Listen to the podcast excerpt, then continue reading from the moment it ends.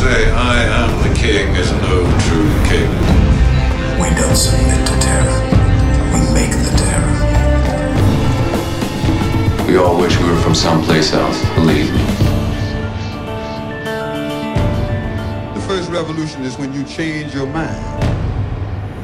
De Varagids podcast. Hallo allemaal, welkom bij de Vagids podcast. We zitten hier in de studio met Vagids-redacteuren Floor Overmars en Roger Abrams. Ik ben Clementine van Wijngaarden, ook van de Vagids. Floor, wat heb jij deze week gezien? Ik wil er toch heel graag over praten met jullie. En Welke, dat, welke? dat is die film van eh Lise Korpershoek. Oh ja. Mijn seks is stuk. En eh, nou ja, daarin eh, onderzoekt ze eigenlijk eh, wat er seksueel aan haar schort. Spannend. Roger. Ja, ik heb iets heel anders eh, gezien. Eh, ik heb gekeken naar een eh, tweedelige documentaire over ehm, de Gulag. Dus het strafkampensysteem van de Sovjet-Unie.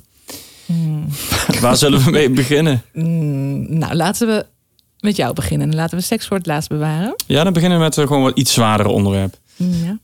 Wat, waar Ja. gaat het over, deze Ja, nou, eh, ehm, ja, ja, over de, de gulag, gulag, of hoe je het dan ook eh, wil uitspreken, dat mag je lekker zelf weten, eh, denk ik, vind ik. Het is een tweedelige documentaire, een Franse documentaire die ehm, dit jaar is uitgekomen en op, op Canvas te zien is. En ik heb de eerste aflevering ervan kunnen zien. Eh, ja, het, het, het, ja wat, wat weten jullie eigenlijk van de gulag? Nou, zal ik, zal ik hierop inhaken? Ik weet niet heel veel van de Gulag. Ik weet alleen dat het eh, de, de, eigenlijk de concentratiekampen zijn, eh, maar dan niet vernietigingskampen, maar werk waar je te werk gesteld werd in, ja, volgens mij tijdens de eh, Russische revolutie en nog helemaal tot in de jaren 50. Mm, Nog langer volgens mij, wel tot in de jaren 70. Ja, tot, tot, aan, tot en met Gorbachev eigenlijk. Die heeft pas een eind gemaakt aan de laatste Ja, kamp. 80. Dat, dat wist ik niet eigenlijk. Nee, ja, wist ik dus 1987. ja. Ik wist trouwens ook niet, maar jij dus wel, dat het al eh, begon na de Oktoberrevolutie in 1917. Dat toen al de eerste, kort daarna al de eerste kampen werden ingericht. Wist ik ook niet. Ja, ik de, heb- ander, de andersdenkenden van de revolutie, die werden daar eh, naartoe Ja. verbannen. Ja, ik was zelf ook heel benieuwd naar de, waar eh, gulag, wat de gu- het woord gulag eigenlijk betekende. Want Dat is dus een afkorting van iets heel langs. Namelijk, en hier komt het. Eh, gulag staat voor eh Главное управление исправительно трудовых лагерей. Dus, oftewel eh, hoofddirectoraat van straf- en werkkampen. En dat is in het Russisch afgekort Gulag. En eh, ja, dit was inderdaad het staatssysteem van eh, concentratiekampen vol eh, dwangarbeiders dat de, de gehele Sovjet-Unie heeft, heeft bestaan. En hoe de- documentaire eruit ziet, die is opgebouwd uit alleen maar archiefmateriaal en een commentaarstem. En tussendoor zijn getuigenissen te zien van voormalige gedetineerden, dus mensen die in zo'n kamp hebben gezeten. Jezus, maar oké, dat zijn dan mensen die, die, dat zijn mensen die daar in de jaren 50 hebben gezeten of zo. Eh, ja, ja, lang geleden. Ja. Het, zijn er, het zijn er nogal wat. En ze zijn verzameld door eh, Memorial, een heel eh, belangrijke non-gouvernementele organisatie in Rusland. die al sinds 1992 eh, schendingen van de mensenrechten daar documenteert. En nou ja, als je iets leest over dit soort dingen in Rusland nu, dan is het eigenlijk altijd Memorial dat ontzettend wordt tegengewerkt door het bewind van Poetin. En want ja. Eh, ze stellen natuurlijk dingen aan de kaak die niet, eh, die niet fraai zijn, die, die eh, het regime van Poetin liever uit de geschiedenisboekjes wil hebben. Ik heb een fragment meegenomen dat aan het begin van het documentaire zit en dat een goede introductie is. In het hart van deze hel staat de Sekirnaya-berg, die onder de gevangenen bekend staat als de Heuvel van de Bijl. Op de top staat de kerk van de Hemelvaart. Die is omgevormd tot isoleerafdeling. Hier vinden ook de executies plaats. De beulen binden een gewicht vast aan hun slachtoffers en gooien ze dan de trap af. Die telt 375 Er treden. zijn heel veel eh, doden gevallen hè, in de Gulag. Ja, ontzettend. Ja, de cijfers zijn echt verschrikkelijk. Ja, eh, kort samengevat eigenlijk, wat, hier, wat, wat je hierin ziet. Het is super interessant, maar het is tegelijkertijd echt verschrikkelijk. Het deed mij denken aan eh, een boek dat ik, heb, eh, dat ik een aantal jaren geleden heb gelezen. eh, de, de Fluisteraars van Orlando Figes. En eh Fidges, moet je eigenlijk zeggen. En die, ehm, dat ging over de jaren onder Stalin, dus leven onder Stalin in de Sovjet-Unie. En er staan dan, en dat is een boek dat is opgebouwd uit getuigenissen ook. Dus privéarchieven van families. En hij heeft zelf heel veel mensen geïnterviewd. Ja, daar staan echt verschrikkelijke dingen in. En toen bedacht ik op een gegeven moment... ja, ik ga hier nooit meer iets... ik ga hier voorlopig niks meer over lezen. Want het is eh, gewoon verschrikkelijk allemaal. En eh, dat komt. eh, dit is hetzelfde onderwerp natuurlijk. Dit is in het begin Lenin, maar later Stalin. Maar alles wat er gebeurt is zo, is zo verschrikkelijk. En het is, het is het verhaal van een staat die alleen aan zichzelf denkt. En waarbij mensen in dienst staan van, van de staat. Nou ja, en wat, wat heel gek is eigenlijk, of nou ja, het is natuurlijk dat na de Tweede Wereldoorlog denken wij allemaal, nou ja, goed, eh, we hebben die, eh, die, die concentratiekampen gehad en de Amerikanen zijn gekomen, maar dat ging daar dus gewoon allemaal maar door. Eh, ja, dat klopt. En, en we vinden de, ja, in de beeldvorming is, is ook de Sovjet-Unie toch wel ja, minder erg dan, ehm, dan Nazi-Duitsland. En ja, het moet ook geen wel eens niet eens worden met getallen. Maar ja, als je dit dan ook weer ziet, het is eigenlijk gewoon een geschiedenisverhaal, eh, deze, deze documentaire. Dan ja, realiseer je weer hoe, hoe, hoe erg het was. En dan was dit trouwens, dit, uit dit fragment, dat, dat gaat over het uh, Solovjetsky-klooster. Een, een uh, christelijk klooster op de Sovjetsky-eilanden in de Witte Zee, tussen Rusland en Finland in. En daar zeg ik dat goed? Nou, in de Witte Zee, in elk geval. Um, uh, en uh, dat, dat was het eerste, het eerste kamp. Dus uh, het was een 16e eeuws klooster. En na de Oktoberrevolutie van 1917, die, waar dus Lenin met zijn Bolsjewieken als winnaar, winnaars uit de bus kwamen, werd het klooster gesloten. Want het communisme, de Bolsjewieken stonden natuurlijk voor een atheïstische samenleving en God was voor de domme. die sloten het klooster en maakten daar een gevangenis in, in 1920 al. En dat werd nou ja, een proeftuin voor de latere gulag. Daar is eigenlijk dat hele systeem uh, uitgegroeid. En de bewakers waren vaak uh, omgeschoolde misdadigers. En de eerste gevangenen, dat waren de, inderdaad, waar jij het al over had, de politieke gevangenen. Dus de contra-revolutionaire uh, mensen van wie deze, de, nieuwe machthebbers bang waren dat ze een bedreiging zouden vormen voor hun macht. En, maar er zaten ook jongens van 18 bij, die, ja, die in studentenverzetsgroepen waren. Uh, 20% van de gevangenen was vrouw. En in 1926 uh, waren er al 20.000 gevangenen. En dat, uh, ja, dat liep alleen maar op. Ja, je had het over een aantal aantallen. Ik, die heb ik natuurlijk even genoteerd. Um, nou, in 1921 had je 200 kampen al in de Sovjet-Unie. Met 120.000 mensen die erin gevangen zaten. En uiteindelijk waren er verspreid door de hele Sovjet-Unie 500 kampen. En ongeveer 18 miljoen mensen hebben daar ooit in gezeten. Ja. Dus één op de zes volwassenen heeft ooit in een kamp gezeten of is verbannen naar een uh, gebied waar die, uh, uh, ja, die gulagkampen lagen. Dat, dan zat je niet echt in de gulag, maar ja goed, je zat dan wel in een, een of andere uithoek waar je ja, ver weg van de, van de bewoonde wereld zat. Om te werken, toch?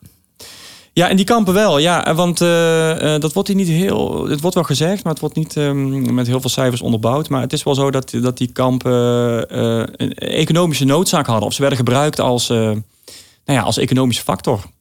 Ik heb een vraag over het archiefmateriaal. Want is er heel veel gefilmd in die kampen? Um, nou, ja, het is je, natuurlijk allemaal. Het bestaat uit archiefmateriaal ja. en interviews. Dus dat moet wel. Ja. Nou ja, heel veel. Ja, ik zit even te denken. Ik heb, er zitten zeker veel beelden bij van kampen. Maar ook uh, ja, de, de, de politieke top zie je veel langskomen. Dus oude beelden van Lenin en van Stalin. En uh, Kirov, een grote uh, partijbaas van Leningrad. Die op een gegeven moment sterft. Waarna Stalin begint met de grote zuiveringen van eind jaren 30, waardoor nog meer mensen in de gulag verdwijnen. Dus die beelden heb je, maar ook inderdaad van kampen. Ik heb, uh, ja, wat me meteen te binnen schiet, is een aantal beelden die, uh, uh, ja, die heel erg propagandistisch ja. aandoen. Dus er is een, eigenlijk wel een mooi shot van, van een bandje, muzikanten, trompetisten volgens mij, als ik het goed heb, op een rijtje met een dirigent daarnaast en dan. ja, dan, dan, dan gaat de camera verder naar rechts en naar beneden. En dan zie je dus in uh, ja, dan zie je mensen aan het graven, allemaal, bijna allemaal handwerk. En dat is volgens mij het uh, kanaal tussen Moskou en de Wolga, dat wordt gegraven. Ja, voor dat soort, dus, de, de, dus dat soort beelden zijn er wel. Dus er en geen beelden van misstanden? Of, of... Ja, je denkt misschien een beetje aan Auschwitz-achtige, ja. die, die uh, uitgemergeld op mensen in, op, op, op, op krakkemikkige bedden. Nee, die, die niet. Nee, er is nog een aankomst van Stalin in een kamp. Nou, dan wordt hij natuurlijk toegezongen en toegeklapt. En iedereen enthousiast. Dus de Nee, gruwelijkheid niet- zit hem misschien, waarschijnlijk meer in, in, in, de, in de vertelling van, de- van de mensen die worden geïnterviewd. En, Ja, ja, de mensen die worden geïnterviewd zijn daar eigenlijk heel belangrijk in. Want eh, die, maken het, ehm, die maken het menselijk en maken het dichterbij. Dat je, die, dan krijg je de leeftijd te horen van wanneer ze in zo'n kamp gingen. Dat is wel heel sterk. Eh, en ik mis dat eigenlijk. Dat had wel meer, meer van ingekund, vind ik trouwens, in deze documentaire. Dus het is eigenlijk best wel een geschiedenisboek. Dus best wel een abstract verhaal. Ook een heel politiek verhaal. Van eh, toen eh, kwam Lenin met de Bolsjewieken aan de macht. En eind jaren 20, in 1928, eh, stond Stalin aan het roer. En toen Lenin overleed, werkte hij zijn opponenten weg. En die verdwenen natuurlijk later ook in kampen. Of die werden ter dood veroordeeld in showprocessen. Van de showprocessen heb je ook beelden. Ehm, dus het is ook wel een heel politiek verhaal waarvan ik soms denk... ehm, ja, als, het, als, je, als je het puur en alleen over de gulag en het gulag-systeem had willen hebben... dan had dit niet per se gehoeven. Maar ehm, ja, het blijft, eh, hoe afschrikwekkend ook, wel heel erg interessant. ja. En hij is gemaakt door een Fransman. Is dat eh, Patrick Rotman, heet hij. Mhm. Hij heeft volgens mij meerdere documentaires gemaakt. Ik zag, hij heeft ook iets over de muur gemaakt, val van de muur. Ehm, eh, Zie je terug wat Frans is? Of zo, wil ja, eigenlijk is het, is het. En waarom is het niet in Rusland zelf gemaakt? Of, zijn daar ook, eh, weet je dat? Of daar ook. ehm, Nee, dat weet ik eigenlijk niet. Ehm, ja, het zou goed kunnen van niet. Nou ja, je had. eh, nou, om op je vraag terug te komen van of, het, of, of je ziet dat het Frans is. Eigenlijk niet. Alleen aan de vele kaarten die worden gebruikt. En dan zie je dat er een Franse transcriptie is van Russische, eh, Russische namen. En Gulag met OU. Maar verder, ehm, ja, verder is het een verhaal dat, dat, eh, dat de Nederlandse maker ook zo had kunnen vertellen. En ik weet eigenlijk niet hoe het, eh, hoe het in Rusland zit. Maar het is wel. ehm, nou ja, het, het, zal in lijn zijn met de algemene trend daar. Namelijk dat ten tijde van Glasnost er een eh, explosie was van eh, openheid. En mensen gingen graven in het verleden. En eh, boeken die nooit hadden kunnen verschijnen, toen opeens wel verschenen. Ik ben, heb er nog eentje van, van opgezocht, die ik lang geleden trouwens heb gelezen. Dat is Kinderen van de Arbat van Anatoly Rybakov. Eh, dat is een, een boek dat al in 1965 eh, af was, maar pas in 1987 kon verschijnen.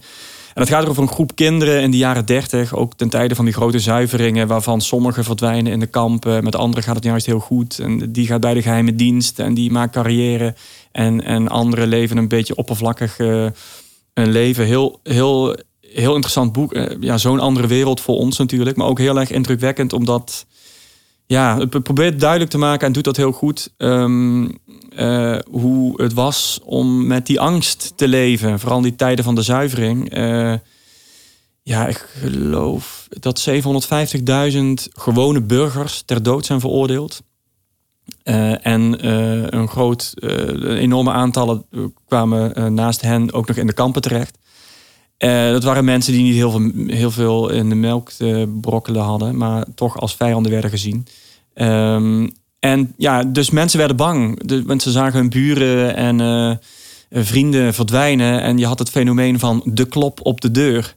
Ja, dat is iets waarvan elk gezin hoopt dat het nooit zou komen. Dat er nooit de klop op de deur zou komen. Dat iemand van de geheime dienst, de NKVD of in het begin de Checka of later de OGPU eh, zou komen en je zou meenemen. En eh, nou, er waren ook mensen die hadden altijd een koffertje klaarstaan bij de deur. Want ja, je wist maar nooit.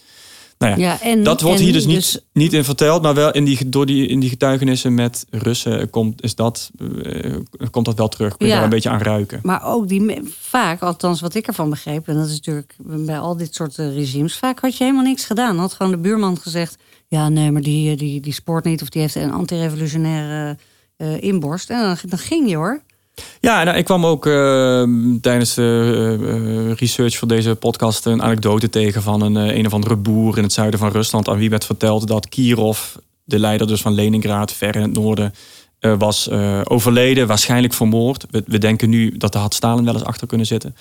Dus die man kreeg dat nieuws te horen en hij zei: Ja, wat, wat kan mij dat verroesten? En hij moest tien jaar naar een kamp. ja. Dus je zou bijna lachen om hoe belachelijk het allemaal is. Maar dat, eh, dat, dat, dat gebeurde dus. En ik denk ook wel, dat, dat heeft deze- documentaire toch wel meer gedaan, moet ik zeggen. Ehm, eh, Ik ben wel meer in gaan zien dat het een economische reden had. Want je kunt je natuurlijk voorstellen hoe handig het is voor zo'n regime dat echt plannen heeft om dat in onmetelijke Rusland te, te ontginnen. Om dan te kunnen beschikken over ja, eh, goedkope werkkrachten. Dus er zitten projecten bij en dan is dat kaartje met die Franse benamingen. Eh, komt dan in beeld dat je heel vaak terugziet. En dan, dan gaan ze weer naar een, eh, naar een uithoek van het land. En het eerste project is eh, een compleet mislukt project van het Witte Zeekanaal. Ik heb toen ik in Rusland studeerde, heb voor de grap eens een keer gezocht naar de allergoedkoopste sigaretten die ik kon krijgen in de kiosk. En dat waren ja, Witte Zee sigaretten, heten ze. Nou, kostte echt niks. Super smerig. Eentje van geprobeerd. Echt heel erg vies, heel erg goedkoop. Nou ja, dat was ter herinnering kennelijk aan dat kanaal. Eh, in het noorden van Rusland, eh, in de, of de Poolcirkel is dat, daar wil ik even van afwezen. Maar het was heel erg koud. Nou ja, eh, tienduizenden mensen moesten daar graven met de hand. Machines waren er niet. Er zijn ontzettend veel mensen gestorven. Beenderen zijn verwerkt in de wanden van zo'n kanaal. En, en Stalin voer natuurlijk toen het kanaal eindelijk af was, trots met een boot er doorheen. En het was één grote propagandastunt. Maar het kanaal is bijna nooit gebruikt daarna, want het bleek niet diep genoeg, niet breed genoeg. Maar ja, zoveel mensen zijn overleden. En dit soort, ja, dit soort infrastructurele projecten hebben ze de hele tijd gedaan in het Verre, in het verre Oosten, eh, in, eh, in de Poolcirkel, waar mensen steenkolen uit de grond moesten halen. En er zijn steden gesticht waar nu nog steeds mensen wonen, omdat ooit dwangarbeiders had daar, eh, die daar hebben gesticht. Ehm, Ja. nou, Nou, dat klinkt ontzettend interessant. Het is in elk geval erg, het is gruwelijk, maar het is wel. Deze documentaire is niet zo gruwelijk, maar eh, lang het is een gruwelijk onderwerp. Eh, een klein uurtje is deze, dit twee eerste delen, deel, dus Ja. in twee delen. Ja, Ja. ja. En het- we kunnen hem zien op eh, dinsdag 10 december op Canvas om tien voor half tien. Eh, ja, inderdaad. Nou, dankjewel Roger. Gaan we naar het volgende onderwerp. Joehoe, iets heel anders. Iets heel anders. Seks. Ja, nee, eh, wat ik net al zei. Ik heb, ik heb dus gekeken naar die eh, omstreden documentaire, mag ik wel zeggen. Eh, Mijn seks is stuk, heet deze film. Echt een steengoede titel trouwens, vind ik. Gemaakt door Lise Korpershoek. En zij is 34 jaar. En ja, zij heeft een vaste relatie met in dit geval Tim Hofman toevallig. de nou ja, BNN-VARA-presentator. En ehm, ja, zij onderzoekt in deze documentaire hoe het kan dat zij eigenlijk in elke relatie die ze heeft, na verloop van tijd, eh, ja, eigenlijk alle gevoelens van lust en zin in seks eh, verliest. Eh, ja, dat, gaat, gaat op zich ja, vrij rap. Ik heb een fragmentje uitgekozen en daar nou ja, kunnen we misschien even naar luisteren. Want, want toen wij, toen, nou de eerste, anderhalf jaar, want we hadden na anderhalf jaar nog over van, wat is dit lang leuk, ons seksleven. Toen waren we, wat was het, ja. Vond ik ook, dacht ik ook, dacht ik ook. Zo, dit is leuk. Als het altijd zo blijft, wat leuk. Ja, Ik weet niet, ik heb het gevoel op het moment dat ik het gevoel had dat je niet meer wegging, dat het toen verdween. Wat ik echt heel treurig vind. Nou ja, goed, wat zij hier dus zegt, is dat ze eigenlijk na, op het moment dat, ze, dat het echt vast werd tussen hun, dat, dat, dat het naar haar idee daardoor eh, afnam, die zin in seks. Nou ja, goed, eh, kan je van alles eh, misschien wel bij voorstellen. Hè? Je bent lang samen en eh, nou, je gaat niet meer, wat vaak dan mensen als elkaar net kennen, voortdurend met elkaar naar bed en de hele dag seks en wild en gepassioneerd en wat dan ook. Ik zelf van anderhalf jaar wel best wel eh, snel, eigenlijk kort, hè, om, om dan al eh, geen zin meer te hebben in seks. Ik weet niet hoe dat bij jullie zit, maar volgens mij, ja, eh, toch? Dat is toch best. Dan normaal ben je nog wel vrij gepassioneerd, lijkt me. Zeker, en zeker als er nog geen... Ze zijn, Lise is 34. 34. Ja, erg jong. Geen Er kinderen. geen kinderen. Er is Nee. nog geen reden om, om niet... Nee, dus ik vond het op zich, dacht ik van, nou goed, dat, dat, dat, dat lijkt me inderdaad vrij zorgelijk als je dat hebt. Eh, maar je vindt eh, je vriend dan niet meer leuk, leek mij. Maar dat bleek helemaal niet het geval te zijn. Want zij dacht, nou, ik wil juist nu deze film maken... omdat eigenlijk het moment zich aandiende dat ze dus geen zin meer had in seks. Maar ze wilde wel met Tim, wilde ze wel heel graag door. Dus ze dacht, nou, daar moet ik wat aan doen. Nou, dat doet ze dus in deze film. Ze gaat op onderzoek uit. Ze laat zich ook onderzoeken fysiek. Of, er misschien, eh, of ze misschien helemaal geen opwinding kan voelen. Nou, dat blijkt niet zo te zijn. En nou, na, na, na een hele hoop gesprekken met een psycholoog en met een seksuoloog en met Tim zelf en met haar moeder en met haar zus. En nou ja, komt ze eigenlijk tot de conclusie dat haar seks niet kapot is, maar dat haar seks op een andere manier is afgesteld dan dat van andere mensen. Ehm, ja, ik, ik moet heel eerlijk zeggen dat ik dat die conclusie van die film vond ik nou niet zo heel erg. Ik, moet een eh, beetje, ik moet een beetje denken aan, toen je dit zo zei aan Deep Throat. Oké. ja, nou. Dat haar seks een beetje anders is dan. Oh ja, Ja. dan die van andere mensen. Ja. Als je bijvoorbeeld in je keel een clitoris hebt. Ja. ja. Nou, Lise. Sorry, jongens. nee, dat had Lise niet. Maar die, Nee, die, maar Lies is alles. Is alles Ja, is alles. Ja. eh, eh, Lise had meer zoiets van: ja, ik zie in pornofilms eh, zie ik wat er moet gebeuren in bed. En ik voel dat niet. En ik wil dat ook eigenlijk niet. En ik, ik raak daar ook niet per se opgewonden van. Sterker nog, ik voel me enorm eh, beteugeld door het idee dat ik dat allemaal moet doen. En dat ik dat allemaal fantastisch moet vinden. En eh, gillend tot een orgasme moet komen. En mijn vriend ook. En dus zij voelde zich juist heel erg begrensd door al die. Nou ja, die vrijheden die wij de hele dag te zien krijgen en die ons worden opgelegd. Omdat zij Ehm, zich er niet mee kon identificeren. Kan. Nou ja, zij voelt dat zelf niet zo. Als zij gaat vrijen met iemand, dan heeft ze eigenlijk eh, binnen no time denkt ze: ben ik aan het doen? Eh, moet ik nou, wat, wat- moet ik nou doen? Het voelt eigenlijk niet fijn, maar ja, wij, hebben, we gingen nu seks hebben. Voor haar is seks ook echt eh die old in en out, hè, zoals dat heet. Zo, dat vond ik ook wel heel eh, typisch. is dat zo? Nou ja, de- bij die seksuologen zat ze en daar legden ze dat dus uit. Van ja, ik denk wel dat bij seks, hè, dus eh, piemel in kut. Ze zegt dat allemaal vrij eh, plastisch. Eh, ze, en dan zegt ze, ja, ik wist eigenlijk niet dat je ook dat seks ook iets, ja, dat je dat ook op een hele andere manier kan eh, beoefenen. Nou, wat, wat ik begrijp, ik heb de documentaire ook gezien, is dat zij eh, heel erg bezig is met, met, ehm, met ehm, of, of Tim aan zijn trekken komt. Ja. Ze is heel erg bezig met de ander. En Ja. Dat is volgens mij ook wel een, een vrouwelijk probleem. Eh, nou, dat weet ik niet of dat een vrouwelijk probleem is. Ik denk wel dat het een seksueel probleem is. Maar ik denk dat sommige mannen daar ook wel eh, last van zouden kunnen hebben. Eh, ik vond dat een heel interessant punt trouwens, wat je daar aansnijdt. Want dat ging natuurlijk ook over die dienstbaarheid hè, in bed, die ze heel erg voelt. Zij heeft echt zoiets van, ja, als we dit gaan beginnen... dan moeten we het ook echt afmaken op de manier waarop verwacht wordt... dat we dit gaan afmaken. Ja.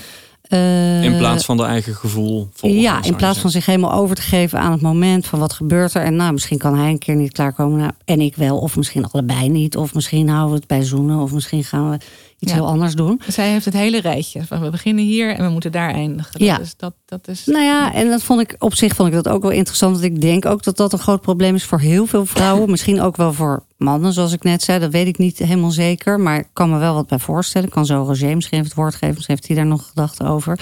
Eh, maar ik vond het, ik weet dat ik het. Ik, hoorde haar volgens mij zeggen ergens dat iemand had gezegd dat, dat hij het dapper vond dat zij die film had gemaakt. En daar werd ze eigenlijk een beetje nijdig over. Want ze zei van ja, dat geeft nou net het hele grote probleem aan van dit onderwerp. Want het is niet dapper, maar het geeft eigenlijk aan als je dat dapper vindt dat jij, ja, het zit in de taboesfeer. Niemand praat hierover. En Ja, dat, dat is, en dat is natuurlijk wel zo. Je kunt je dan afvragen, ja, moet je dit allemaal bespreken? Hè? Wil je dit allemaal bespreken?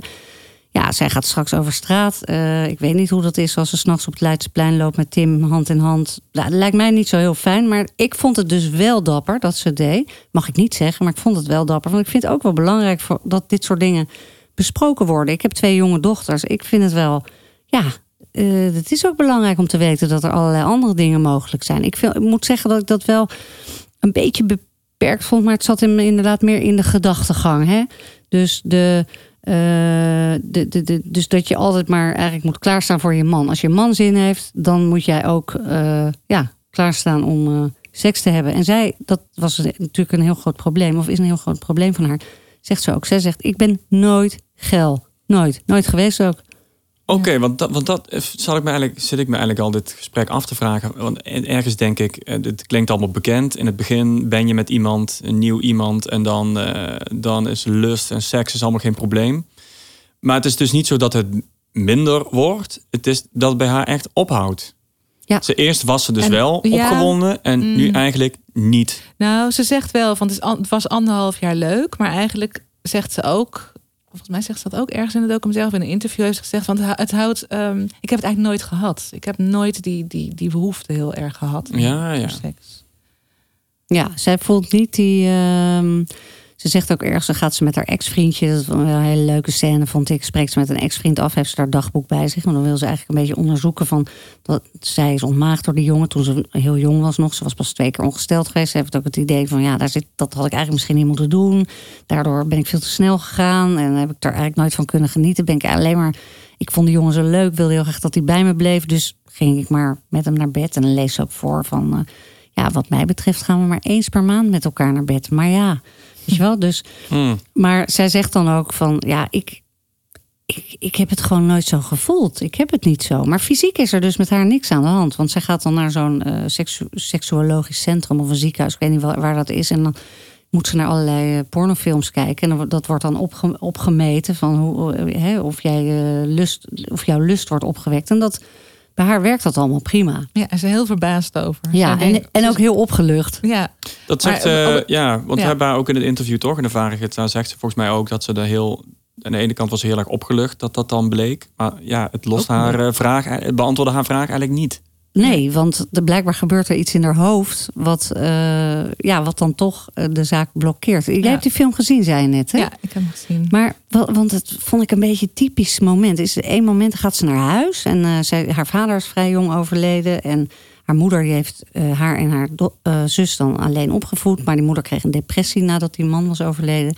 En ze hebben heel veel moeten doen in huis en eigenlijk een beetje moeten zorgen voor die moeder. En ik, ja, geeft ze eigenlijk die moeder ook een beetje de ja, schuld. ze heeft de moeder de schuld. Ja, van eh, ja, er ik zit- heb er altijd zit- alles moeten, moeten doen. En ik heb, ik heb altijd in dienst van jou gestaan. En dat betrekt ze dan dus Ja. op het in dienst staan. Van Tim. Ja, Er zit veel oud zeer. Dus eigenlijk maakt ze, ze, haalt Vond dat verschillende niet zo dingen bij sterk. Nee, dat is dat vind ik Andere ook film, jammer. dacht ja, ik. Dat is een andere film, ja. ja. Of, of iets wat je misschien buiten de film moet oplossen. Dat vond ik ook jammer. Dat haalt het, haalt het ook een beetje weg. Maar zij zegt eigenlijk van het heeft met elkaar te maken. De, de, de, de seks die niet goed is, heeft ook te maken met dingen die in het verleden zijn gebeurd. ja, nou ja, goed. Dat, dat, Komt niet heel overtuigend over, nou, het was, daarvoor was de film dan te kort. Want dat is natuurlijk een heel groot Zeker. onderwerp. Ik vind Ja. ook dat.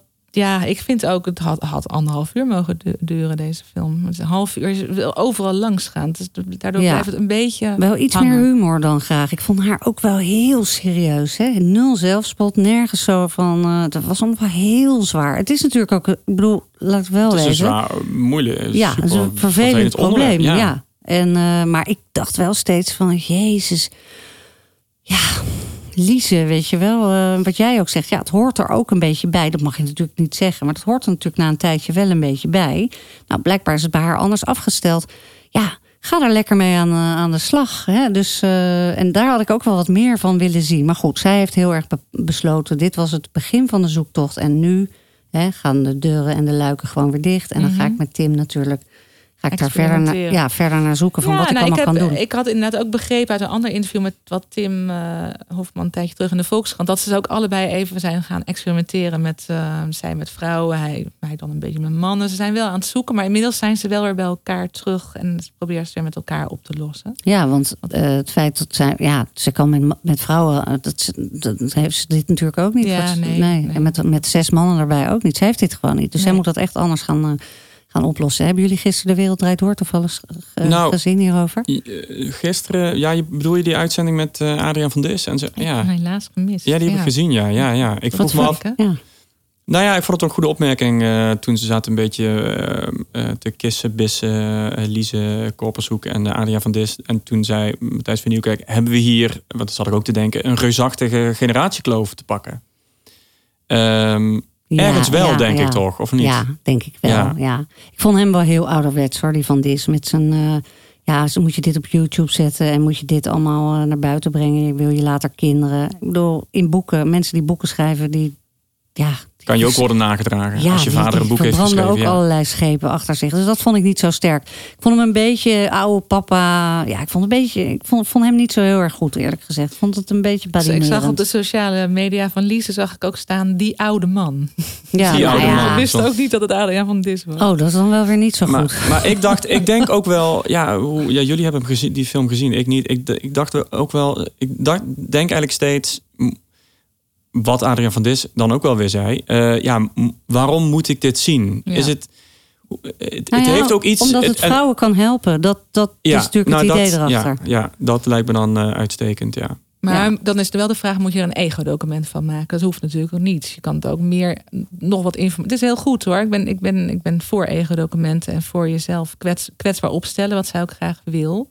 Ja, Eh, ik denk dat dit, dit de enige vorm is voor dit onderwerp. Wil je echt mensen bereiken? En wil je echt. Ik denk echt dat, dit, dat, dat heel veel mensen hierover aan het praten zijn nu. Althans, dat hoop ik. En ik hoop ook dat de jonge mensen vooral eh, ja, daar steeds opener in worden. Je hoeft het voor mij niet allemaal op televisie te laten zien. eh, hè, dus al die jonge mensen. Maar het is goed dat iemand eh, een aanjager is.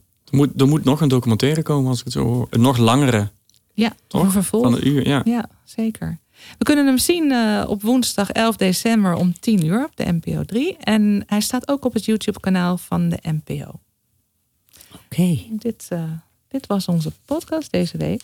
Bedankt Clementine. Ja, Clementine, dankjewel. Graag gedaan.